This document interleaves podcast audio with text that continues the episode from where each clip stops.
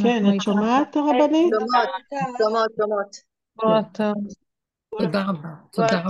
תודה לאפרת, תודה לך אפרת. תודה. אם יש לכם איזו שאלה לשאול,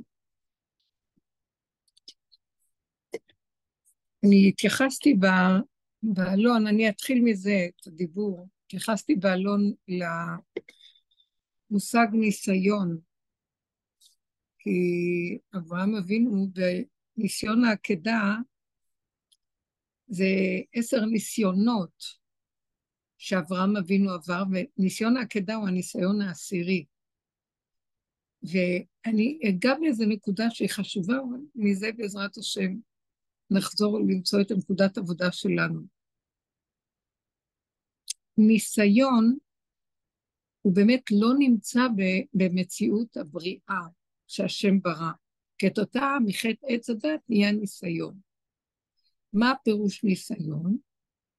שאנחנו חיים במנגנון שברגע אחד המוח שלנו מתרחב והרגש יחד איתו, ואז אנחנו נגנבים ולוקחים מחשבה או איזו הרגשה או כל דבר ומתרחבים איתה, עד שזה הופך להיות ניסיון. זאת אומרת, אנחנו מביאים לעצמנו את הניסיון שלנו.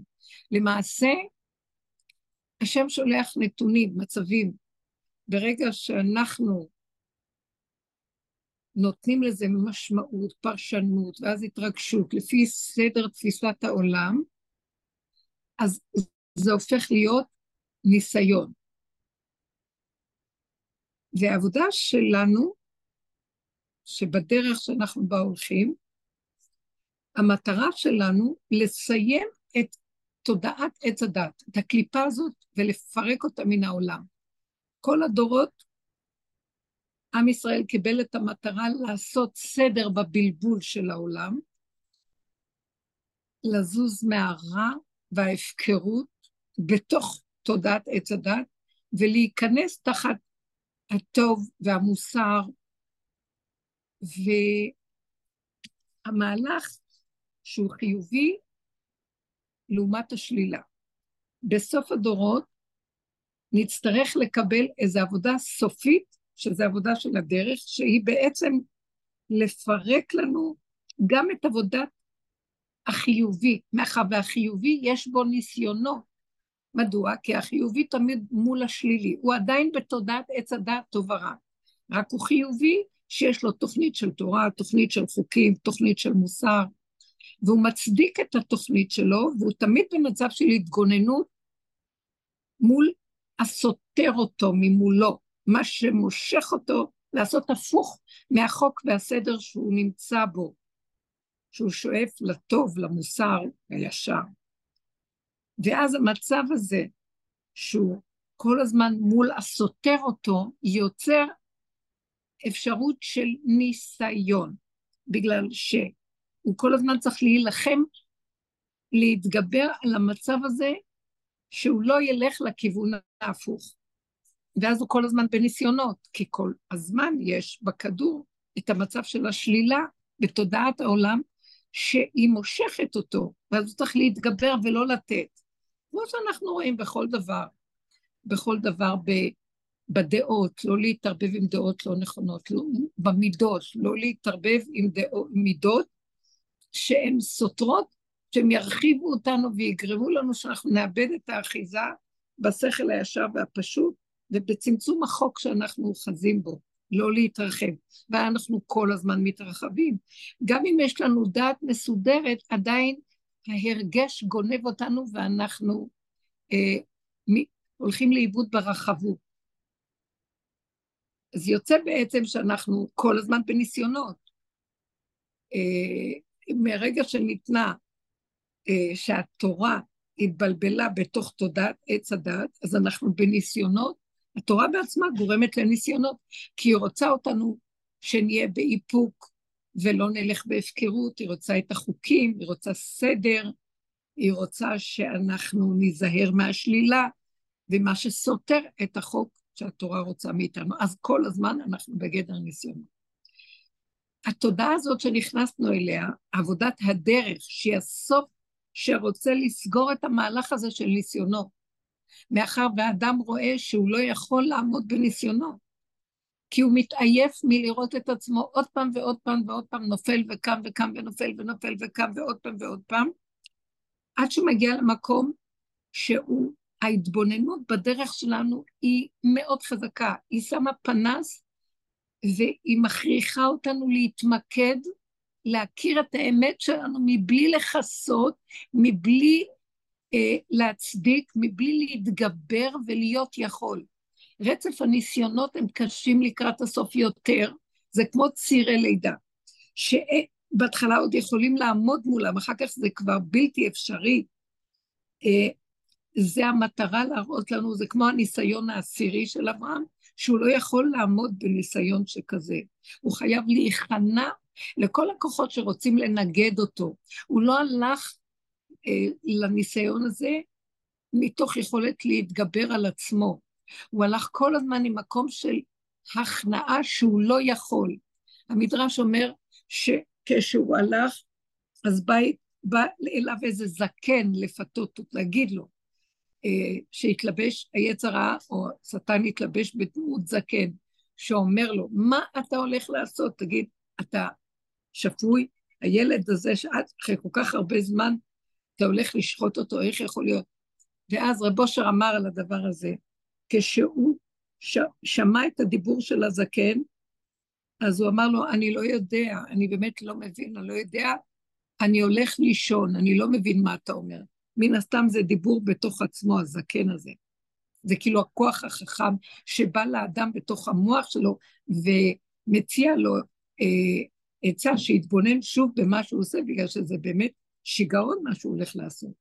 אז אה, את הכוח הזה, איך הוא הכניע? הוא אמר לו, אני לא מתווכח, אני לא מתנצח, אני לא מבין, אני לא יודע, תדע, אני עכשיו הולך לישון. אני משתיק את המוח שלי, אני הולך להשתיק את המוח שאני לא יודע מה, הרגליים הולכות וזה מה שאני יודע. אני לא מפעיל את המוח בשום אופן לחשוב, או לשקול ולטרות ולנסות להבין ולהילחם מול ההתנגדות ולחפש לי איזה מוצא או פתרון. כלום וזהו. אה, אחרי נעלם הזקן. נהיה לו הסחת הדעת, הוא ממשיך ללכת. בדרך פתאום מגיעים לאיזה נהר, ואיך הוא יעבור את הנהר עכשיו? לא היה נהר שהיה צריך להיות בדרך. איך קרה ופתאום יש ניסיון כזה שנקרא נהר? אז הוא נעצר ואמר, אני לא יכול להתמודד עם הנהר הזה, אני הולך לישון. והוא עזב את המאמץ לחשוב איך הוא יוצא מהמצב הזה, והנהר נעלם. לאורך כל הדרך, עבודתו הייתה לא לתת למוח ולמחשבות להוליך אותו. זה הם, התחלת הניסיון מהם. כי הם באים, עושים הערכת מצב, מציעים אפשרויות, ימין ושמאל, הם אחר כך משפיעים על ההתרגשות, ואז האדם מתרחב איתם, והוא עושה גם פעולות, ואז אחר כך הוא הולך לאיבוד.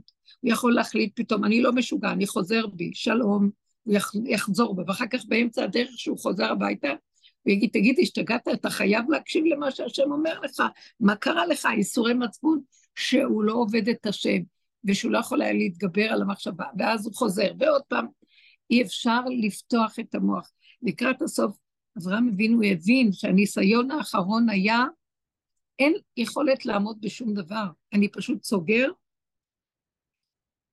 והולך רק עם ידיים ורגליים. אין לי מוח, זאת אומרת, אני הולך לישון, הכוונה משכיב את המוח שלו לישון, אין לי מוח, אין לי יכולת, אין לי עוז, אין לי תעצומות, אין לי תושייה, אין לי פתרון, אין לי תוכנית, אין לי מערך, כלום. אני הולך רגע, רגע, רגע, איך שהרגליים מובילות אותי, הם יוליכו אותי. הסיבה, אם זה השם, הוא יוליך אותי. אם זה לא צריך להיות, זה לא יהיה. אני הולך וזהו. זאת אומרת, לקראת הסוף נצטרך להבין שכוח הבחירה ייעלם לנו, אסור לנו להשתמש בו אפילו. נצטרך להוריד את המוח לתוך החושים ולהתהלך במציאות של אני עכשיו בשטח. זה כמו חייל שנכנס לשדה הקרב. כל עוד הוא מחוץ לשדה הקרב, עוד יכול עשר ניסיונות אברהם אבינו נתנסה. ניסיון אחר ניסיון אחר ניסיון אחר ניסיון. כל ניסיון לרדת מהמציאות של היכולת העצמית, אבל זה לא בא בבת אחת. ברגע שיש לו איזה ניסיון בחלק הראשון, הוא מתגבר עליו, והוא עושה את מה שהשם רוצה אחרי מלחמה עם יצרו שלא נותן. וככה המלחמות, עד שהוא מגיע מפעם לפעם לפעם שהוא לא יכול לעמוד במלחמות יותר, בניסיונות יותר, והוא צועק, אני לא עומד בשום ניסיון. אז עדיין הוא מתהלך בתוך נפשו, בתהליך של הולך ומתרוקן מישותו, כי זה קשה בגלל שיש לנו עוד תחושה שאנחנו יכולים להתגבר, שאנחנו, יש לנו עצה, יש לנו תושייה, יש לנו פתרון, יש לנו הערכת מצב, אנחנו יכולים להסתדר, יש שכל, יש היגיון. אז לאט לאט בניסיונות, המטרה שלהם להגיע למקום שעד שאנחנו ממש נכנסים לשדה הקרב האמיתי, זה נקרא מציאות של שטח. אני בשטח, זאת אומרת, אני במצב שאני באמת לא יכול, ואני במציאות שאני בניסיון, ואני לא יכול להכיל את הניסיון, אז מה אני עושה? אני מבטל את הניסיון במוח. אין לי ניסיון. אני לוקח את המוח שלי ומכניס אותו לתוך הבשר שלי, לתוך החושים, לתוך המידות. בואו ניקח חייל. החייל הזה, הוא כבר, עוד לפני שהוא נכנס, אז המערכות יכולות לשקול מה לעשות, לא לעשות, כן לעשות ולתת הוראות. והחייל יכול לחשוש, לפחד, לבקש רחמים וכן הלאה. ברגע שהוא נכנס לשדה הקרב עצמו, הוא חייב להבין שעכשיו הוא לא יכול להרשות למוח שלו להיפתח. הוא לא יכול לשאול שאלות את עצמו. למה? כמה? מה קרה פה? הוא לא יכול להרשות לעצמו להתפעל מהשמועות שמסביב, או ממראות, או מכל דבר. הוא ממוקד בתוכנית של המוח, מוריד אותה לתוך החושים, במידות, והוא חייב להיות דרוך בתחושה של אם אני אפתח את המוח, אני מאבד את החיים. המוח יפחיד אותי, יבהיל אותי, או שייתן לי נקמנות, כעס, שנאה, ואני אאבד את היכולת הריכוזית להיות כלי שדרכו מתגלה השגחה שמנהלת את הניסיון, כי אני לא עומד בו. שימו לב לזה. זה דבר שאנחנו צריכים לשים לב לזה. עכשיו, אני לא מדברת על אדם בשדה קרב, אני מדברת עלינו עצמנו בתוך המציאות של החיים. באמת. יש הרבה קושיות על הרבה דברים שקורים. ברגע שהגענו למצב שאנחנו נכנסים למציאות של שטח, כמו אברהם אבינו, הוא לוקח את הבן שלו והוא הולך, אם הוא יפתח את המוח וייתן לזקן לבלבל אותו, לים, לנהר לבלבל אותו, למחשבות, להתפעלות השונה,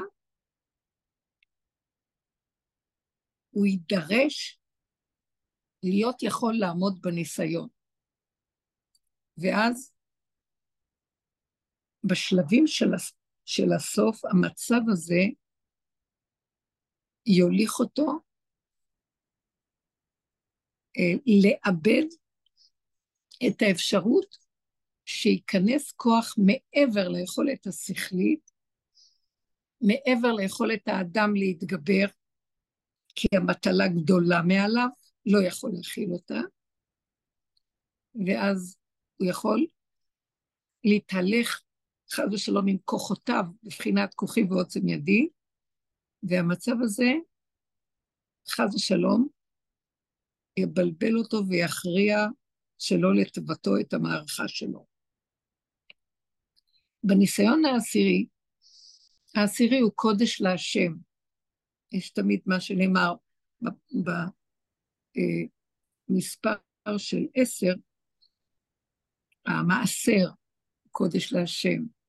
בבהמות שהיו רוצים להקריב, היו סופרים אחד, שתיים, העשירי, קודש להשם. היו מקריבים קורבן להשם. עשירית העפה במנחות זה עשירית מידה, מידת משקל שהיא עשירית. אז המידה עשר, עשירית, מבחינת הקדושה. זאת אומרת, הוא שייך עכשיו להשם. מה זה העשר? זה האחד ואפס לידו. האדם שהוא הגיע למקום של ניסיון העשירי, או שזה הסוף, הוא בחינת מרגיש, חייב להרגיש את האפסות שלו כדי שיצטרף האחד אליו. אבל זה לא אפסות של ייאוש, זה לא אפסות של... אה, זה לא אפסות של חידלון. זה התבוננות אמיתית בתוך עצמו, הכרת סכנתו, שמא הוא יגנוב עוד פעם עם המוח שלו את המחשבה שיכול להתגבר, והוא יכול לעמוד בניסיון, והוא יכול לרוץ לתוך המצב, והוא יפסיד את המצב הזה שיצטרף האחד למציאותו, ויעביר אותו לרמה אחרת לגמרי ש, של הצלחה. הניסיון כבר לא שלו. אם הוא יאבד את הדריכות הפנימית הזאת ואת המוח שלו, אם הוא לא ייתן לו להיכנס פנימה, אלא ישאיר את המוח בקושיות, בשאלות, בביקורת, בשיפוטיות, בדעות, הרגש יסעיר על, עליו את המציאות, הוא מחליש את מציאותו. בניסיון העשירי,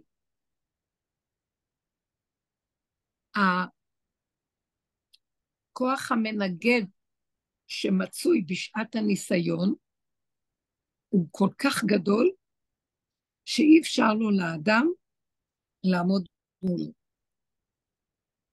זה רק השם ילחם לכם ואתם תחרישו. ניסיון לא קיים במציאות הבריאה הבראשיתית, בגלל שבתוך האדם הראשון, או במציאות של האמת, השאיפה היא תמיד להתחדש כל רגע ולחזור לאחדות של המציאות האלוקית בבריאה. אין עצמיות ואין את יסוד ההתרחבות, אחד ועוד אחד ועוד אחד ועוד אחד. אין הפרדה בין המוח ל, לרגש, למציאות של הפעולה. במחשבה אחת מיד מזדמן הרגש הנכון, כי המחשבה משתלשלת לבחינה של ההבנה, לב, ואז אחר כך הפעולה מתבצעת בזמן קצר, שאין בכלל המתנה ורווח בין המחשבה, בין ההרגשה, לבין המעשה. הכל מתרחש מהר, בגלל שאדם נמצא בנקודת האחד, מחובר ומאוחד עם הרגע הנוכח, והוא אפילו נחשבת, נכנסת לו מחשבה, המחשב, המחשבה בעצמה מחוברת לתכלית שלה, סוף מעשה במחשבה תחילה. והכל זה מקשה אחת, מחובר. תודעת עץ הדת, שאדם נכנס אליה, הרחיבה לו את המצב הזה. זאת אומרת, הפרידה אותו מיסוד האחדות, מהרגע, חילקה לו את המקשה אחת לחלקים חלקים והפרידה. אה, הרבה מחשבות, הרבה אפשרויות, הרבה רגשות, הרבה דעות וכן הלאה, הרבה פעולות. ועכשיו באה מחשבה, צריך לעשות כך וכך, באה עכשיו התלבטות, באה אפשרות כזאת וכזאת וכזאת וכזאת וכזאת, ועכשיו האדם נכנס לניסיון, הוא מגשים את המצב הזה שהמחשבה הופכת להיות בעיה. מה אני אעשה? אולי ככה, אולי לא ככה. ואז לשקול. אם אני אעשה כך וכך, זה זה וזה, ואם לא כך וכך וזה. ובוא נגיד שנאמר, אבל זה נורמלי, אפשר לשקול, אפשר להתבונן, אפשר להעריך, אפשר להבין, ואחר כך נחליט. בוא נגיד שהוא החליט. אחרי כמה זמן יכול לבוא לו מחשבה, חבל שהחלטתי ככה. אפשר היה להחליט אחרת. אם הייתי עושה זה וזה, אז לא הייתה לי את הבעיה של כך וכך. לא כדאי היה מה שעשיתי, אולי נשנה. הניסיון של האדם הוא קשה, ואם נניח הוא יתגבר, זה רק זמני, כי מיד אחר כך שלשלת חדשה של ניסיונות. גם לא בטוח שמה שהוא עשה לא יוליד אפשרויות נוספות שיערבו לו ניסיונות אחרים מצדדים שונים. כי אנחנו לא רואים כמו שצריך את הדבר. אנחנו לא רואים למרחוק. אנחנו, בגלל הריבוי, אנחנו, אין בהירות. אין איזו הוכחה מה רואה את הנולד, לא קיים אצלנו. אנחנו, מרוב הריבוי, זה מסך שמבלבל, ואין ריכוז, ולא רואים נכוחה, לא רואים ברור. זה כמו אחד שנוהג, ויש לו הרבה מחשבות, וכשהוא נוהג, כל רגע מחשבה בפנים מסיחה את דעתו. ואז פתאום הוא אומר, אוי, רגע, רגע, אני התכוונתי לפנות, הוא אומר, איפה, בוא נראה ככה, איפה אני צריך לפנות שמאלה? בעוד כמה, אם לא היה ווייז, כן? בעוד כמה פניות אני צריך לפנות שמאלה. מחשבה תופסת אותו, אפילו אם הווייז מדבר, מדבר, הוא לא שם לב, זה עוד כשלא היה ווייז, דוגמה טובה, אבל עכשיו גם, הוא לא שם לב, ואז הוא מפסיד את היציאה. למה? אם הוא היה עומד בנוכח, והיה אוזניו קשובות למהלך, אפילו אם הוא היה אה, לא קשוב, אבל אם הוא היה מביט במבט שלו בעיניים, הוא היה רואה את הפנייה בעוד שתי פניות. אבל המסך של המחשבות במוח מערפל לו את הראייה, ואז הוא לא רואה, ואז הוא יכול להפסיד. הוא לא רואה את הנולד, כי המחשבות סוגרות עליו. אתם יודעים שהמיילדת נקראת חכמה. היא נקראת גם חיה, והיא רואה את הנולד. למה הן נקראות חכמות? כי הן רואות, רואות את הנלות. תקראנה לחכמה. חכמה היא הייתה מיילדת, כך זה נקרא. היולדת נקראת חיה. זאת אומרת, היא צריכה להיות בשטח דרוכה, כמו חיה. שהיא צריכה את הריכוזיות, כל הכוחות מכונסים למטרה של הריכוזיות, ואי אפשר עכשיו לרחף באיזה מחשבות, או אפשרויות, או פתרונות. המצב שלה מכריח אותה להיות דרוכה. המיילדת היא חייבת להיות במקום של דריכות, מהותיות פשוטה, של אה, טבע כמו חיה, היא צמודה עם החיה. החיה והחוכמה הולכת ביחד. החיה חכמה, היולדת, המיילדת, זה חיבור. המקום הזה, אפשר לראות את הנולד. יש ריכוז, יש מצב של דריכות שמאפשר עכשיו גילוי שהוא לא בטבע רגיל. זאת אומרת שהשם ברא את הבריאה, הוא לא ברא שהאדם יהיה יכול מעצמו, הוא ברא שהאדם הוא כלי שמרוכז ומחובר לכוח האנרגטי, החיות של השכינה בבריאה. החוק של הטבע בתוך חיות אלוקית, שהאדם הוא כלי שלו, והכל מתחבר איפה אם כן יבוא כאן מקום הניסיון? אין צורך בניסיון. אבל עץ הדת, הפירוד ממקום הנוכח והשכינה מהחיות של הדריכות של מציאות השטח. נעלם.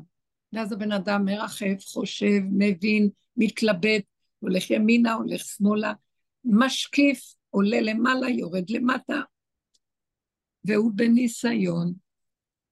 כל מטרת הניסיונות שלנו בתודעת עץ הדת, בהתחלה זה להתגבר ולהיות יכול.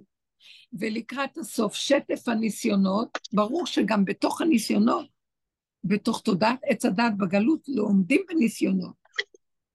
אבל למדנו גם להיזהר, אל תביאני לידי ניסיון ולא לידי ביזיון, אנחנו, חכמים אמרו לנו. אז מה שאדם עושה, הוא מצמצם את מציאותו, הוא מצמצם את החברה שלו, לא מסתובב בין מקומות שיביאו אותו לניסיונות, לא מעמיד את עצמו בכוונה בניסיונות, הוא מגן על האפשרות שהוא לא יתרחק מהנקודה שלו. אבל במשך הדורות, אם האדם מאבד את הצמצום הזה, והתרבות מרחיבה אותו, ונותנת לו לחשוב שהוא כבר מאוד נאור, והוא מבין, והוא יודע, והוא צדיק, והכול בסדר, הוא מאבד את יסוד הצמצום שלו, הוא נמצא בסכנה מאוד גדולה. מה שיקרה לקראת הסוף, שהניסיונות יהפכו להיות כאלה שהם יזעזעו אותנו. מדוע? מאחר ואנחנו לא שמים לב שהתרחבנו מעל הצמצום הנאות והראוי לנו, והלכנו לאיבוד בדמיון ההשכלה וההבנה וההשגה והיכולת. יש לנו תחושת יכולת שמעבר לגבול האמיתי שלנו בהרבה הרבה יותר. יש כאילו מאוד גדול של ישות שחושבת שהיא יכולה, והיא מתרחבת, והיא יושבת בטוח על מקומה, והתדמית של האדם, מה שנקרא, הוא עף על עצמו, והוא מנותק מיסודו האמיתי להכיר כמה הוא לא במקום הנכון שלו, בגבול הנכון, ואז כל הזמן כוחו ועוצם ידו גדל יחד עם המצב של המוח שמתרחב עליו,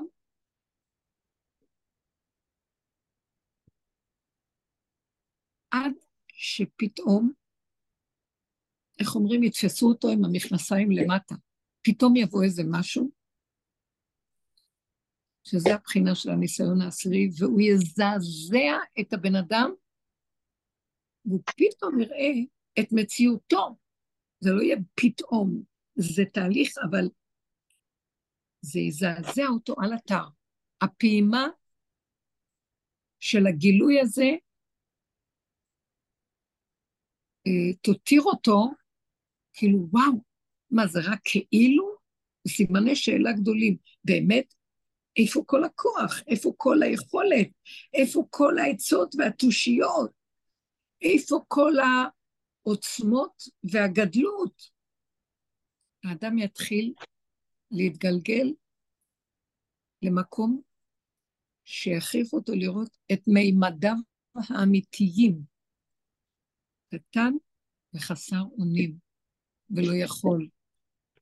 בתוך כל זה הוא יצטרך לעשות פעולות. אם הוא עוד ימשיך עם תודעת היכולת ואני בניסיונות יכול ועומד, הוא ילך לאיבוד.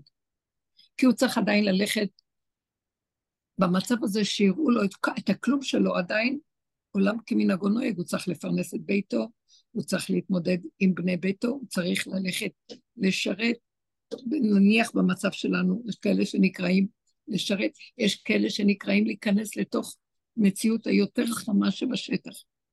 איך אדם כזה יעבוד?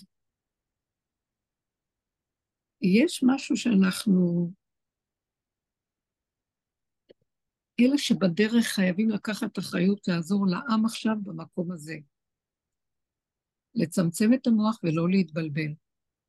להיכנס לתוך דלת אמות וכל אחד באשר הוא, להיכנס לתודעת השטח, במרכאות. מה זה תודעת השטח? לא להרים את הראש.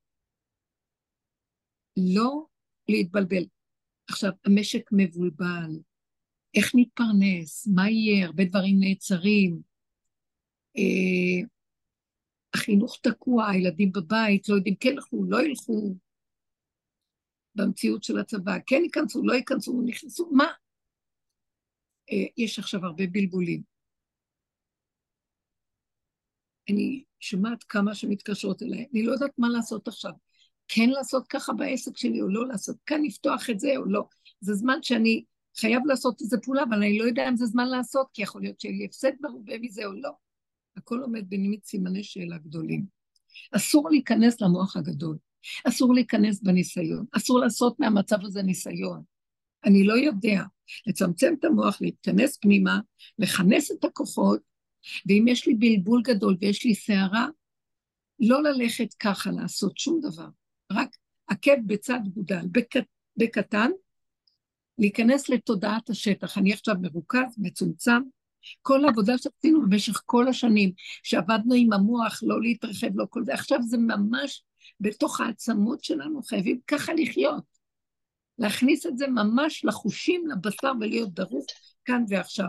להמשיך לעשות מה שצריך לעשות, לא להרים את הראש ולהקשות קושיות. למה עשיתי? לא עשיתי. חבל אם הייתי עושה ככה, לא הייתי עושה ככה. אולי אני אשנה זה ולא אעשה זה. איפה שיש סימני שאלה, ספק, בלבולים, מחשבות, סערה אה, אה, רגשית, לסגור, זה מסוכן. אנחנו לא נעמוד בכלום עכשיו. המקום שלנו זה למסור את המערכה להשם יתברך. איך? מבפנים, הוא נמצא בתוך הצמצום. בורא עולם מתגלה בצמצום. מה זה בורא עולם? נקודת האמת, אני לא יודעת מה זה בורא. כרגע נקודת האמת, שהיא נקודת היסוד ההוויה, יסוד ההווה, יסוד הנוכח, יסוד הקטן, יסוד העין. אה, המוח שלי יש גדול והעין הוא אין.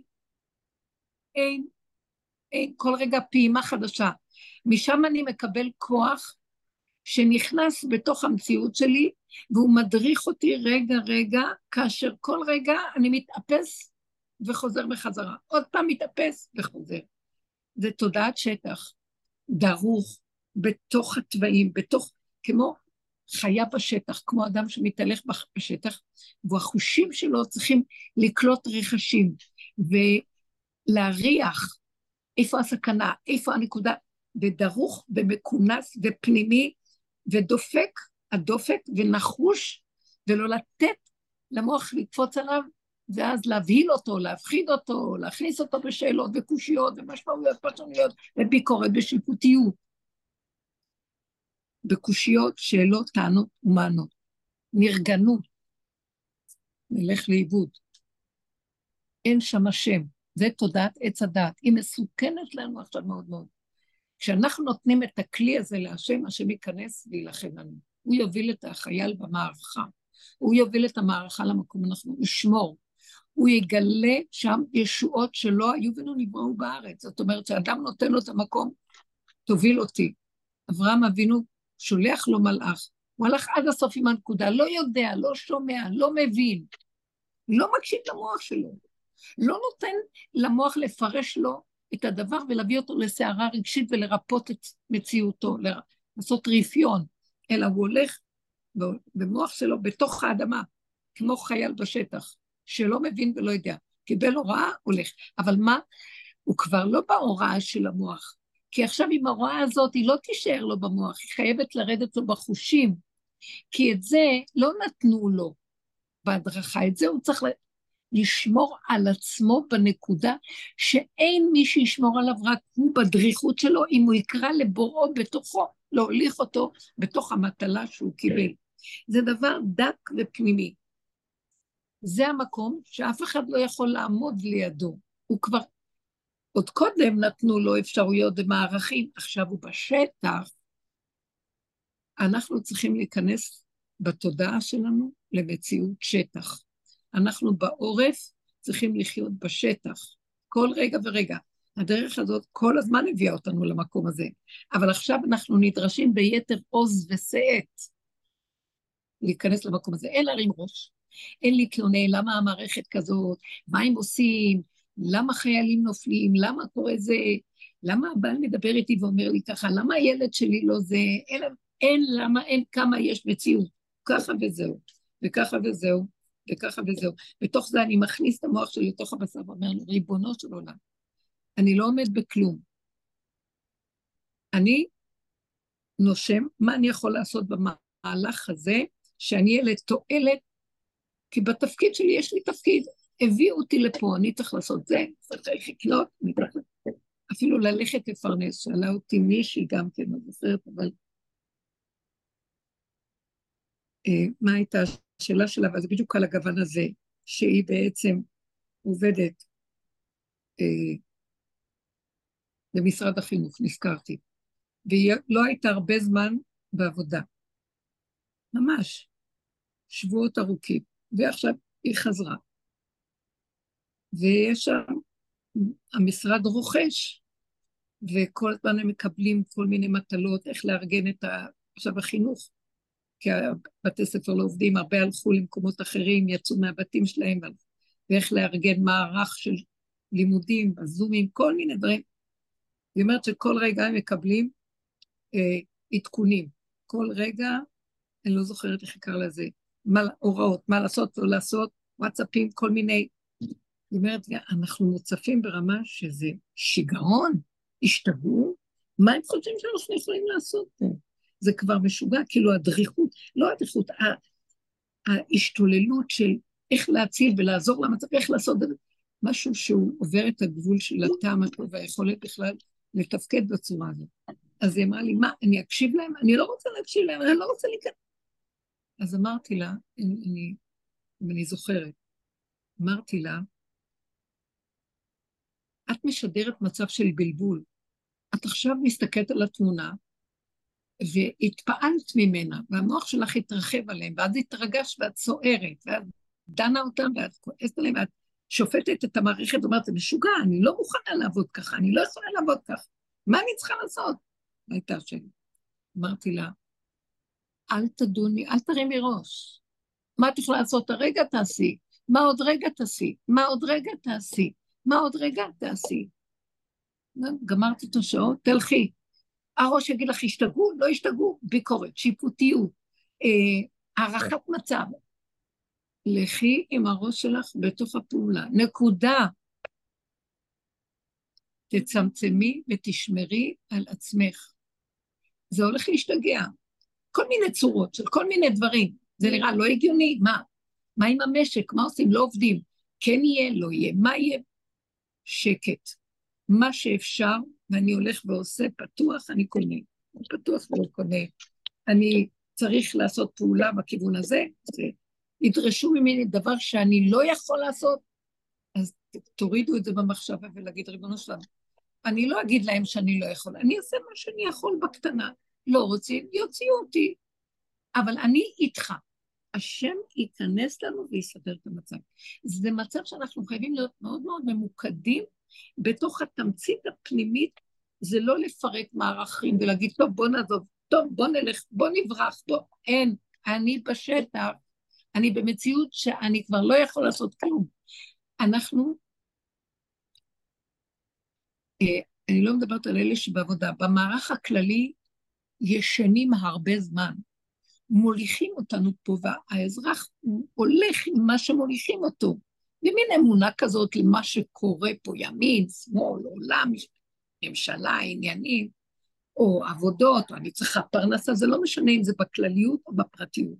אה, זה הזוגיות, יש כאבים, יש כל מיני צרות, אבל ככה זה זוגיות, ככה זה לעשות פרנסה, צריך שאדם יעמול, יתגבר, יהיה חייב. מפרקים לנו את המהלכים האלה. לא מפרקים את המבנה החיצוני, מזעזעים את התודעה. בד בבד, גם המבנה החיצוני הולך ומצטמצם. כי המבנה, בנינו אותו בצורה מאוד מאוד רחבה וגדולה, ואנחנו באין סוף ניסיונות שלא עומדים בהם. אז יוצאים מדעתם מרוב ניסיונות. מלא יועצים, מלא פסיכולוגים, מלא כל מיני uh, מקצועים למיניהם לעזור לנו בניסיונות שלנו. זה טיפשי, אין לטפל, אין לעזור לניסיונות האלה, כי התודעה מביאה עוד ניסיון ועוד ניסיון, היא מתרחבת והולכת, זה לא ייגמר. גם מערך המטפלים בעצמם וכל המקצוענים הולכים ומתרחבים, והבלבולים הולכים וגדלים. אין ישועה במקום הזה. לקראת הסוף פשוט נראה את זה. אנחנו נראה כמה זה עלוב הכל, מה שלא עושים כלום. כאילו נמכרנו אני ועמי לתודעה הזאת, להשמיד, להרוג ולאבד. אז מה שאני צריך לעשות זה זום אין, כאילו אני נכנס בנקודת, אני נכנס בדריכות פנימית, מצמצם את מציאותי לרגע, וברמה הזאת פועל. כן יכול, גם אני לא אגיד לי מראש, אני לא יכול, כי הרבה פעמים אנחנו מייללים, אנחנו מתבלבלים, ואנחנו דנים ושופטים את עצמנו, ואז ידינו רפות. לא לתת לעמלק הזה, זה עמלק. הוא מקרר אותנו, הוא מחליש אותנו, מפיל אותנו. לא לתת עכשיו, זה מלחמת עמלק. לא לתת. זה המקום של צמצום, ריכוזיות, כאן ועכשיו, מיקוד אכזרי לכל המוח הגדול הזה שגונב אותנו כל הזמן. האמנו לו, והוא תופס אותנו ומוציא מאיתנו את החיות. הוא גונב לנו את הכוחות, ומזה הוא ממשיך להסעיר אותנו. לעבודתנו עכשיו לעזור לכל מה שקורה בכל המערכות, בעורף, מתוך עבודתנו פנימה, לכל התרבות הזאת שהתרחבה מדי, ומי שבאמת השם מרחם עליו, העזרה שאנחנו ניתן מתוך עבודתנו תשפיע עליו. ועבודתנו היא פשוט לכנס את הכוחות שלנו פנימה ולכבות את הכוח שמקרר, ששוקל וטורף ומחליש ומפחיד ומבהיל ומסעיר וכועס. לא. תנמיכו את הכוחות האלה, תנשמו רגע רגע, תעבדו עם מה שאתם יכולים כל רגע, להודות שאתם יכולים להתרכז, ובקש מהשם רחמים. תתגלה עליי ותוליך אותי. אני קטנה, אני בריכוז, אני מבקש ממך, אני לא עומד בניסיונות, אין ניסיונות יותר. אני לא עומד בשום ניסיון. לא רוצה לעמוד, לא הם ולא שכרם. אין לעמוד עכשיו, הכל שלך, תעזור לי. טיפה של מצוקה, שאני מתחיל להתרחב, סימן שהמוח מוליך אותי לאיזה ניסיון. אני לא רוצה להיות בניסיון. אני לא בניסיונות, לא עומד בכלום. עכשיו, זה לא אומר שאני אעזוב את המערכות. אני מצמצמת בכל מערכה שאני נמצאת, אני לא עוזבת אותה, אני פשוט מקטינה אותה לממדי שטח. אם אני בשטח. עכשיו אני ככה, איך אני עובדת ככה? בדריכות, בצמצום פנימי, במיקוד, בהגדרה, עקב בצד גודל, מה שאני יכול. אני מוסר להשם את הדיבור, המוח שלי בתוך הפה, בתוך הבשר, בתוך הלב, פיו וליבו שווים. ואני אומר לו, אבל רק אתה, תעזור לי, תוליך אותי, אל תיתן לי לראות גדול, אל תיתן לי להשקיף, זה מבלבל אותי, זה עמלק משקיף, המן שיושב על עץ גבוה חמישים אמה, וכל זה אינו שווה לו. כל הזמן הוא קופץ עם עוד אפשרות של עוד אפשרות, וזה לא עובד. זה צמצום, זה חוזק ודריכות ונחישות, ולחזור למציאות של רגע, רגע. כשאני עובד ברמה הזאת, עם הפה שלי כל הזמן אני מעבירה, מתי אני פותחת אותו להתפלל? כשאני רואה שמשהו הולך להרחיב אותי, משהו בא להרגיז אותי, משהו בא להכניס אותי לניסיון, אני לא עומד בזה. אני לא רוצה לאבד את הדריכות שלי, כדי שאני אראה נכוחה את הצעד הבא שלי כאן ועכשיו, ושם השם יהיה איתי. שם, בצמצום, בקטנה, הוא נכנס, ומתוכי עולה כוח השכינה, ונלחם לי, מפלס לי את הדרך, ומכניס אותי עוד רגע ועוד רגע, ושומר עליי מהבהלה, מהבלבול, מהחרדה, מהצער, אה, או מהכסילות של ההפקרות, ולהאמין במערכות ובמה שקורה. כלום, כלום, כלום, אני כבר, אין אמון בכלום. רק לתת את הכוח לאמונה. נגמר האמון הזה, זה לא שאנחנו חלילה אה, נראה שאנחנו, לא אכפת לנו מאף אחד כי לא מאמינים בכלום. אנחנו פשוט עובדים בחוץ, ב, כמו משחק, עולם כמנהגו נוהג בקטן, אבל בפנים אין להאמין לכלום. מה הכוונה? אין להאמין, אבל אני ציפיתי שתעשו כך וכך, ולמה לא עשיתם? ואני, אבל, אבל אתם אמרתם, אתה, אתה הבטחת, את, את, אה, מצופ, את, את נדרשת לזה ולזה, ויש לי עלייך קושייה. אין דבר כזה יותר. אין לצפות, אין לדרוש, אין להוכיח, אין לבקר. אין שום דבר. יש רגע וזהו. אני מכניס את עצמי בתוך המצב הזה, מה אני יכול לעשות פה טוב? לא נעשה כמו שחשבתי, אז לא. אה, אני נזהר לא להיכנס למצב של ניסיון, שזה התרחבות מנקודת האמת הפשוטה העכשווית. לא רוצה ניסיונות, לא יכול לעמוד בהם. אני לא מתבקש לקראת הסוף להיות יכול. הפוך על הפוך. כל עשר הניסיונות של אברהם אבינו זה להוריד אותו מדרגה לדרגה לדרגה לדרגה למקום שהוא יכול. עד לדרגה האחרונה, שהיה ברור לו שמה שהשם רוצה ממנו זה שהוא לא יהיה יכול. הוא נתן לו שכל ונתן לו כוח והרגשי והכול, והוא עבד איתם, ועבד איתם בחיובי ובנאורות ובטוב האמיתי. ובכל אופן, הטוב היותר גדול, האמיתי לאמיתה, זה שאנחנו נצא מעץ הדת לחלוטין, לא טוב ולא רע, כלי ריק, כדי שיתגלה כוח הכי טוב שיכול להיות, שלמעלה מהטוב ורע של עץ הדת, שזה לא מוגדר כטוב בכלל, ויעשה כאן את הישועה. ואיך שזה ככה, זה יהיה טוב, הכל בטוב. אה, פעם שאלו אותי, מה זה הדרך הזאת? מה זאת אומרת לא להיות טוב? אמרתי, הדרך הזאת, היא, אה, היא מביאה אותנו מהטוב לטוב מאוד. אז אמר לי, מה פירוש מטוב לטוב מאוד? את אומרת שאנחנו צריכים לרדת מהטוב. אמרתי לה, חז"ל אמרו, טוב מאוד זה מוות. מה פירוש? טוב, המאוד זה הבחינה של לרדת מהטוב ולחוות את המציאות שאין שום טוב והכל שלילי, בכל לבבך, בכל נפשך, בכל מאודיך, במאוד שלך, בדם שלך, בכל, תבוא עד למקום של הכלום שלך. קח את הטוב ותביא אותו לכלום. זה נקרא טוב מאוד. חז"ל דרשו טוב מוות. טוב מאוד. אז מה זאת אומרת מוות? זה המוות של הטוב, של השלילה, של הטוב והרע, של עץ הדת, ואז מתגלה הטוב האמיתי הנצחי. זה לא מוות בדיוק, זאת אומרת להשיל את התודעה הזאת, אתה מגיע לאפס, לכלום, לך תשחוט את הבן שלך. זאת אומרת, לך תעקוד את האני שלך. המחשבה של האדם זה הבן שלו, זה היסוד הראשוני שלו. לך תשחוט את כל המוח הזה. זאת אומרת, זו תחושת מיתה ממה שמוכר לי עוד מקודם. אבל מזה אתה מגיע עכשיו שיתגלה איזה משהו אחר לגמרי, שהפסדת אותו ברגע שאכלת מעץ הדעת.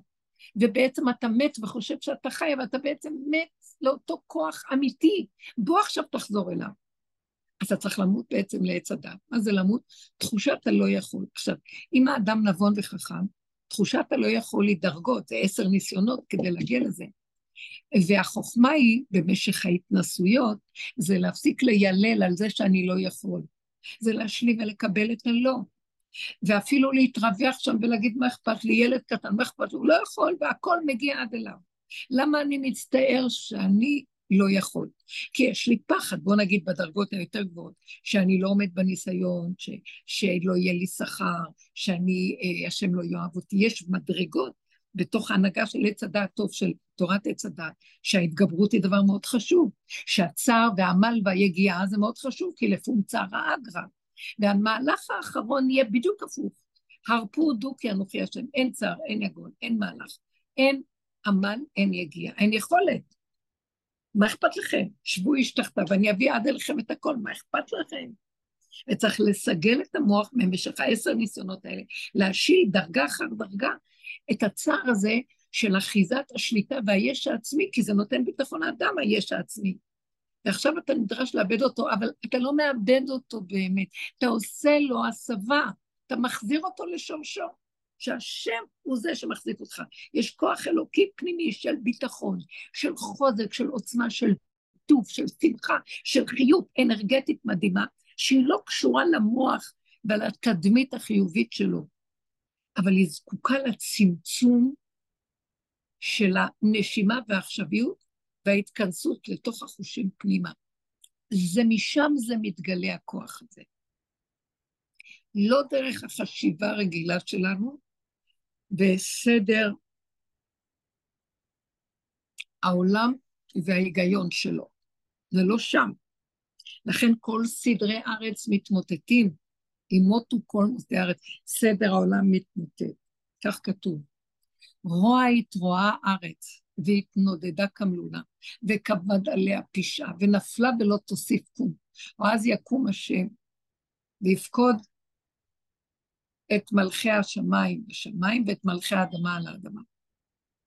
זאת אומרת שהאדמה מתרועעת, הארץ מתרועעת, התרועה ארץ, והתנודדה כמלונה. אין לה יציבות, הכל מתנודנד. מה זה רוע התרועה? התרועעות זה לא ברור. זה גם המילה רוע. הרוע מתחיל לצוף, הרוע מתחת לכיסוי שהסתרנו אה, על ידי הדעת הנכונה והמידות, כאילו ההתגברות, להתגבר על הרע, זה נראה שהעולם הוא טוב. אבל אני אראה לכם רגע מה שוכב מתחתיות שלכם, ואני אציף את כל מה שיש שם למטה, שנראה לכם שאתם כבר טובים, אני אראה לכם את השורשים הרקובים ואני אציף את כל הביוב עליכם, ותתרועה הארץ מהביוב הזה.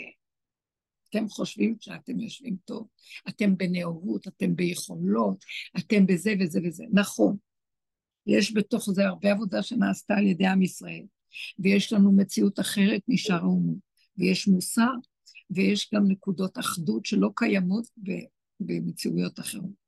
ובכל אופן, לקראת הסוף, נצטרך לתת לו גם את כל המצב הזה ולהישאר במקום של אמונה מוחלטת, זאת אומרת, בראייה שגם אם יש לי אחדות יותר מהאומות בתוך עם ישראל, גם אם יש לנו מציאות של אה, חוק ישר ונכון.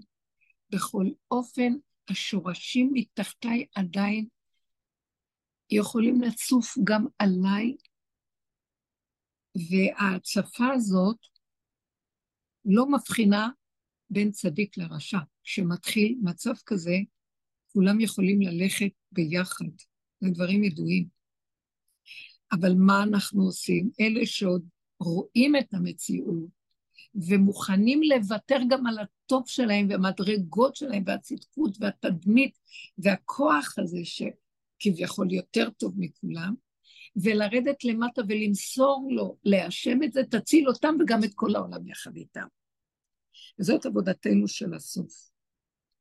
זה מאוד קשה לגברים למסור את המקום הזה שהם לא, שהם יישארו בלי ישות עצמית בכלום חיובי, צדיקה, וזה המקום שבו הטבעי יותר לנשים, שהן מכירות את השורשים של עצמם ויודעות מה מתחתם יותר מה שאצל הזכר. הזכר יותר נאמן לדעת שלו, והאישה חיה עם המציאות של התוואים והיסודות החושיים. ולכן, וגם ניסיונות החיים של האחרים, ובמשך כל הדורות, ועל כן גם הלידה תוכיח שיש לה את הכוח לעמוד במקום הכי שלילי שמתפרץ. זה בחינת קריאת ים סוף. המצרים רודפים מאחורה, ומקדימה הים, והיא נמצאת במשבר ואין מנוס מאיפה. וזה המקום שהיא תיכנע, היא תמסור, את, תכיר את הסכנה, ובקלות יותר תסכים למסור את מציאותה לבורא, או אז ייכנס דרכה כוח שייתן לה עוז ותעצומות ועצה ותושייה, שהיא ברגע אחד יכולה לעזור ולהציל. זה לא אישה אחת, זה כוח כזה של הנוקבה, שיכול לעזור במסורת היהודית, בכתבים היהודים יש לנו את הדמויות של אסתר, של אביגיל גם היה לה ניסיון דומה, הצילה את המצב. אה, יהודית עם אוליפורנס, יעל עם סיסרא. המצב הזה, להרים את המציאות לכיוון אחר ולהביא ישועה לכלל.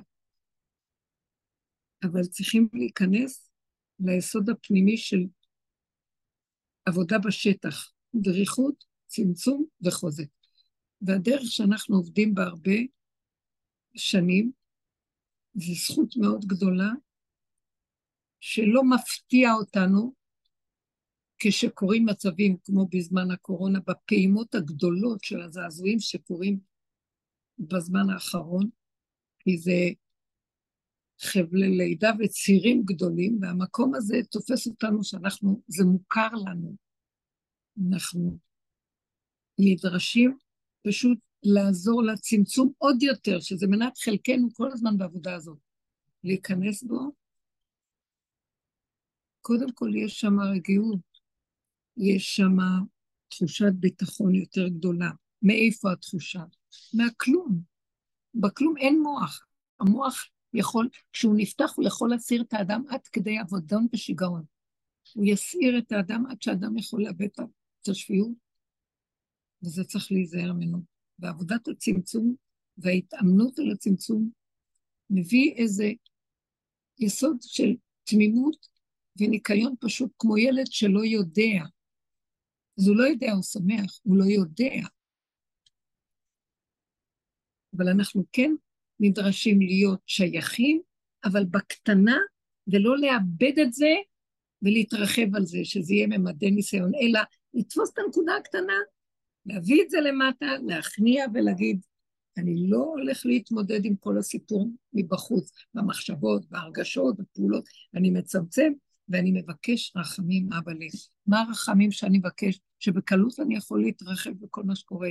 אני מבקש ממך, תצמצם אותי, תן לי בדריכות הזאת נר אחד, נר למאה, האדם הולך ככה, הוא יכול להשפיע על כלל גדול שילכו גם הם ויעזרו לעצמם על ידי, יהיה להם לאות ורפיון מהרצון להיות בכוחי ועוצם ידי, והם יסכימו להיכנס פנימה, להכניע ראש פנימה, ויפסיקו כבר לשים את מבטחם בכל אלילי, אלילי המדיניות ופוליטיקות וכל מה שקורה פה, ויבינו שאם הם לא יכינו את הכלים של עצמם, אין מי שיציל אותם, רק הם מתוך הנקודה של עצמם, משם יתגלה חיות כזאת שנר אחד, נר למאה תדליק, אז הם שמורים, בני ביתם שמורים, וכל הסובב סביבם מושפע מהנקודה הזאת, וזאת עבודת אמת. זו עבודה שיש לה משמעות ומסה אה, שהיא אה, בלתי ניתנת למדידה והיא פועלת ועובדת. הקטנה, נקודה קטנה משפיעה למרחוק. כי נקודת אמת היא שייכת ליסוד הנצח. אה, אני חייבת איזה שתי דקות, אני חוזרת שוב.